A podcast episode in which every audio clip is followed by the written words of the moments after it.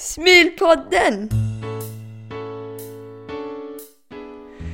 Ni som har lyssnat på Smulpodden ett tag vet att jag inte är direkt optimistisk vad gäller svenska myndigheters och institutioners inställning till oss utlandssvenskar och våra barn. Rent generellt så har jag fått intrycket att de inte ser oss och våra barn som någon resurs direkt. Men nu har jag fått tillbaka tron på Sverige och svenskarna. I alla fall lite. Jag heter Petra Sokolowski.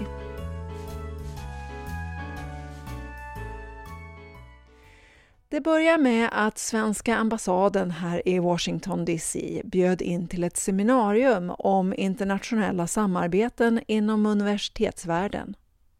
Rektorer och ledare för nästan alla stora universitet i Sverige var där. Och det var ju ett gyllene tillfälle för mig att fråga dem om internationaliseringsutredningen. För det är ju upp till varje lärosäte att utveckla en plan för hur de ska bli mer internationella. Så jag tog min cykel och cyklade ner till House of Sweden, där ambassaden ligger.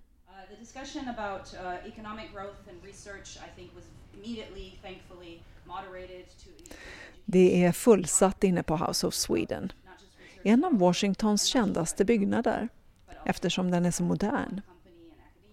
Utanför glasfasaden flyter Potomacfloden stilla i vinterkylan. Ibland dundrar några militärhelikoptrar förbi, på väg till Vita huset en bit bort. Under förmiddagen har universitetschefer från USA och Sverige pratat om gemensamma utmaningar och nu sammanfattar Sylvia Schwag Serger ifrån Lunds universitet panelsamtalen. Hon avslutar med att berätta om sin son. Was 19, just graduated from high school. He started an IT company in Berlin and it's going a little bit too well for my liking. And so I'm concerned whether he, A, my, I have two concerns. A, will he go to university? He's taught himself six programming languages. He doesn't quite see the point at this moment in time. He's designed an algorithm, you know, where he's making tons of money betting, and I don't like that either. so, you know, so this is my my first concern. My second concern is what will I do if he tells me he wants, you know, or not? What will I do? What will I tell my husband if he come home, comes home and tells me he wants to study in the states and that we have to sell our house? Um, so I think I'll leave you with that because it shows me the light. And I thank you all for coming, and I think it's been a really good morning. Thank you. Hörde ni den svenska brytningen? Nej, inte jag heller. För Sylvia är en av oss, fast tvärtom. Hennes pappa är tysk och mamman amerikansk-kinesisk. Hon är uppvuxen i Tyskland och flyttade till Sverige för kärlekens skull. Så henne måste vi ju bara prata med. Jag stämmer träff med henne i lobbyn på hennes hotell.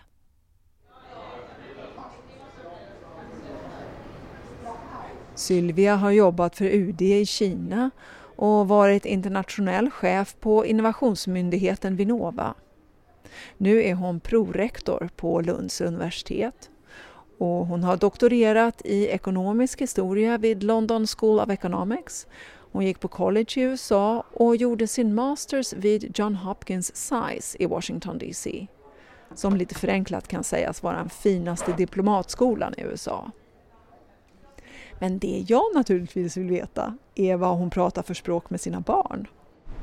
Jag pratar tre språk, så jag pratar tyska med mina barn eh, i och med att det är eh, Ja, jag har ju två modersmål, så jag pratar tyska med mina barn. Eh, hemma pratar vi engelska, för att jag träffade min man i USA. Eh, och jag känner mig väldigt trygg i och med att mina, jag var väldigt mån om att mina barn skulle gå eh, på en vanlig svensk skola i Sverige. För att det var väldigt viktigt för mig att de fick den här svenska kulturella förankringen. När vi bodde i Peking så gick de inte på svenska skolan. Då gick de på en internationell skola för att jag tyckte helt enkelt att den var bättre.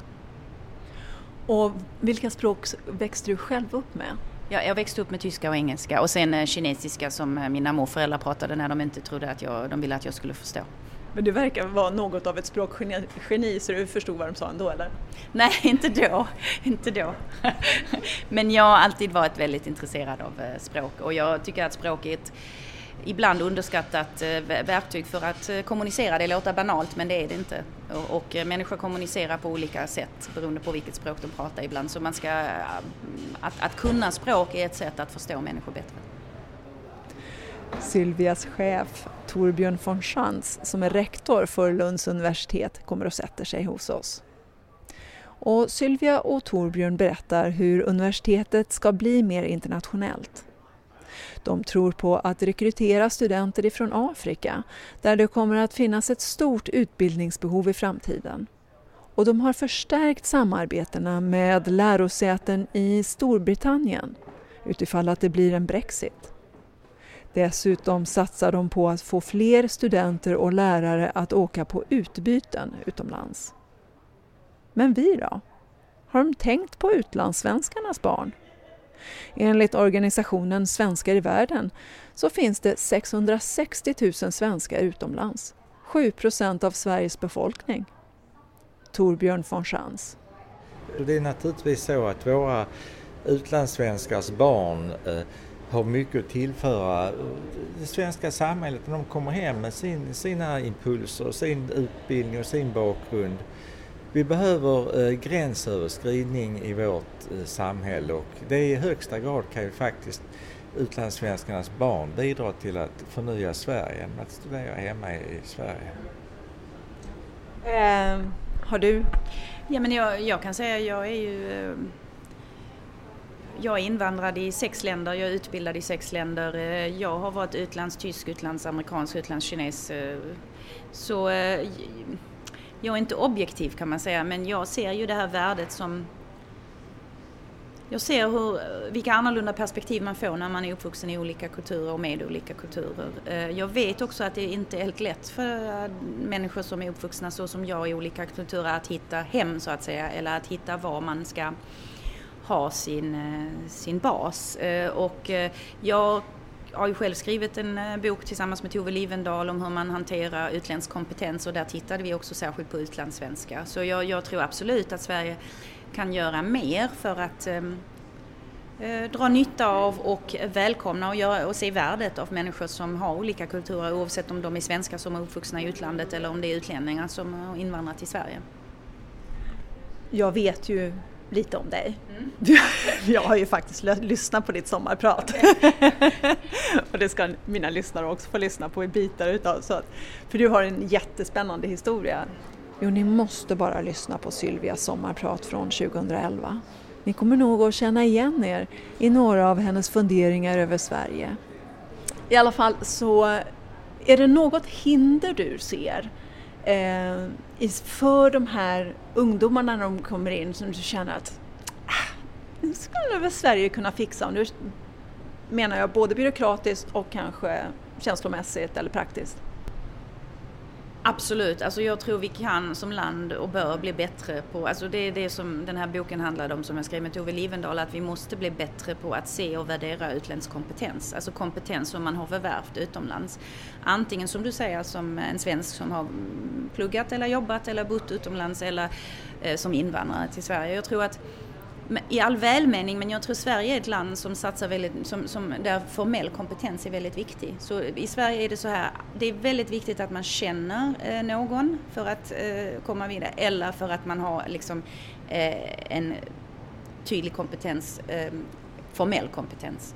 Så jag tror, där kan jag se en utmaning och den har jag upplevt själv många gånger, att man inte eh, är så, alltid så bra som man, vi kanske borde vara med tanke på att vi är ett stort invandringsland Eh, Eh, på att värdera kompetens som man skaffar sig utanför Sverige. Och det är därför i Lund vi, eh, har vi börjat titta lite grann på hur vi ska validera eh, kompetens eller erfarenhet som man får utanför universitetet till exempel, för att det är ett sådant exempel. Men ett, ett väldigt konkret exempel är ju också hur man, hur man värderar utländska betyg. Som jag var ganska engagerad i den debatten för att jag tycker vi har ett problem att vi att vi, eh, vi tror att man kan bedöma till exempel alla betyg från Australien som, från alla olika universitet eller lärosäten eller gymnasier som de är de samma och det är ju inte så i andra länder. Eh, så det tycker jag är en jättestor eh, utmaning som jag tror vi borde ta tag i. Ett annat exempel om jag bara får nämna är ju att hur man bedömer till exempel engelsk kompetens. Eh, att eh, om jag har förstått det och Torbjörn kanske vet det bättre men ibland är det ju så att du, du måste ha också formella eh, intyg. Alltså det är, ju, det är ju inte vi till exempel alltid på Lunds universitet som bedömer förmågan att prata engelska utan det bedöms någon annanstans och där bedöms det utifrån intyg. Men om du tittar på den unga generationen idag eh, och jag känner väldigt många som pratar helt flytande engelska utan att ha något intyg på att de kan det. Eh, då måste vi ju hitta andra sätt att kunna bedöma deras förmåga. Men de måste väl göra ett, eh, de kan göra ett prov, sån här Cambridge certificate eller något sånt där? Det är mycket möjligt att det redan fungerar. Men, jag men, jag, men jag har, jag, du har helt rätt i den här Facebookgruppen, den här podd, podden jag jobbar för, den började som en Facebookgrupp. då hör man ju alla, alla människor som har varit med om helt fullkomligt absurda saker, att de har gått på en engelsk, en amerikansk skola någonstans och så, nej du, du måste ha ett speciellt betyg i engelska, men hela min utbildning har ju varit på engelska. Det är ju, det är ju sådana hinder som upplevs som oerhört, oerhört frustrerande, tror jag. Ja. Eh, och har du upplevt att det har förändrats medan, eller, eller jag vet inte vem som vill svara på det? Jag vill säga så här att jag tror att eh,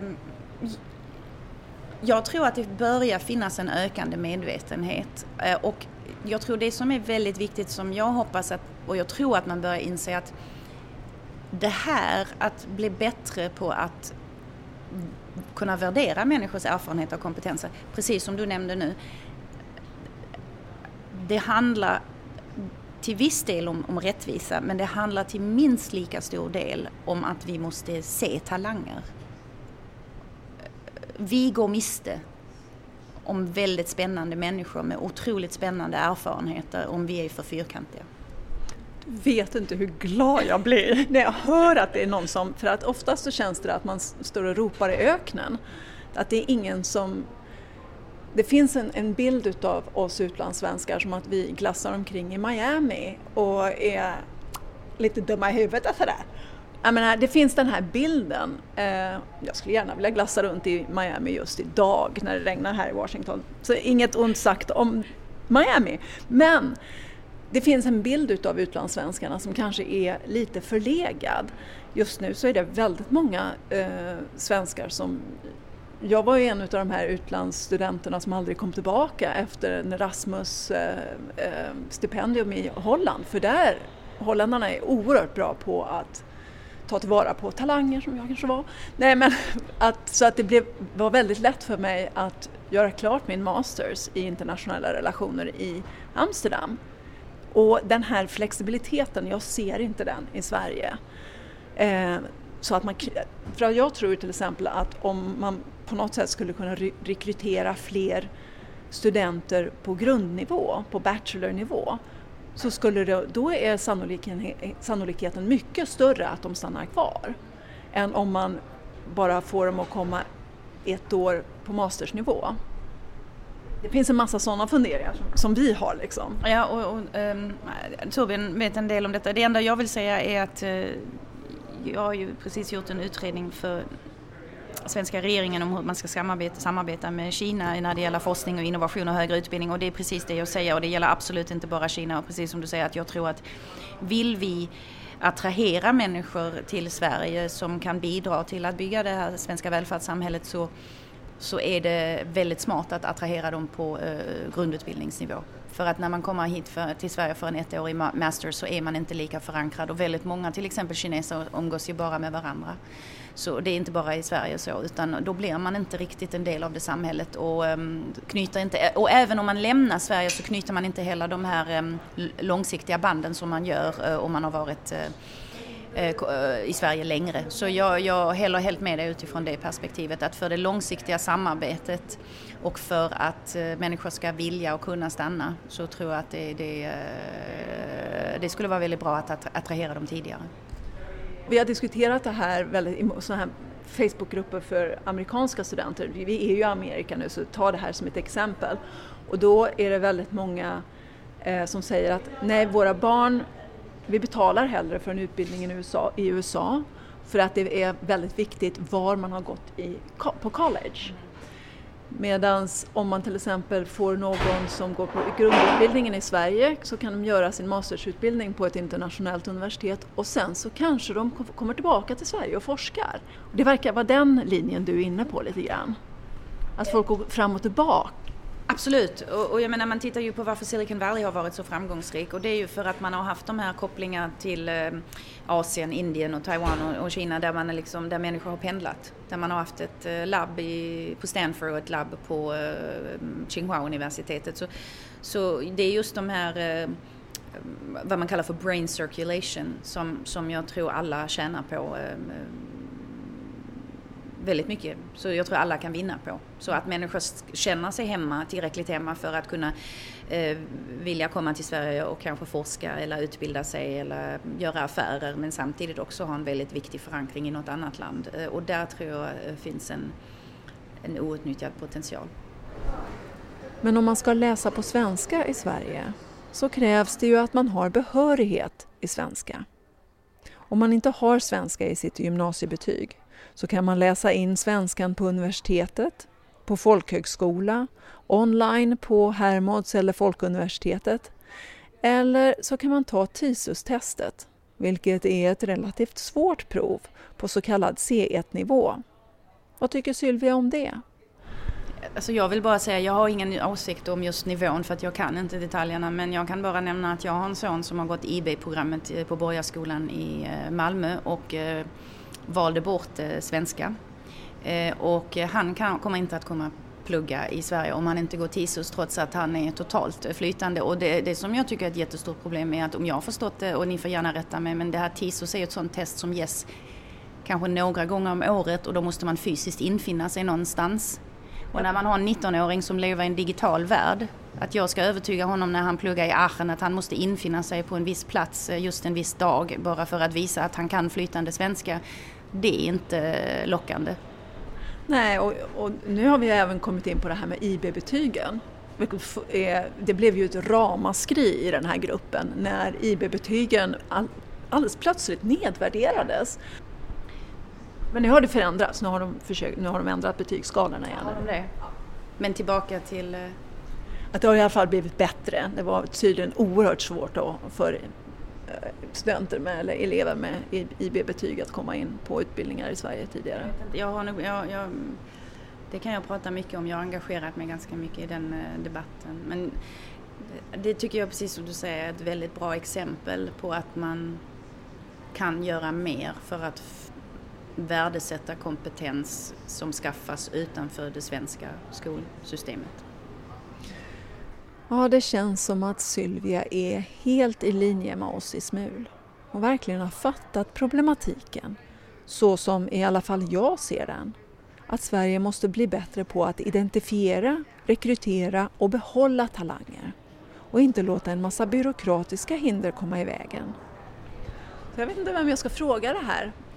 Finns det många som Sylvia i Sverige inom den här världen som, som tänker som Sylvia? Nej, det tror jag inte.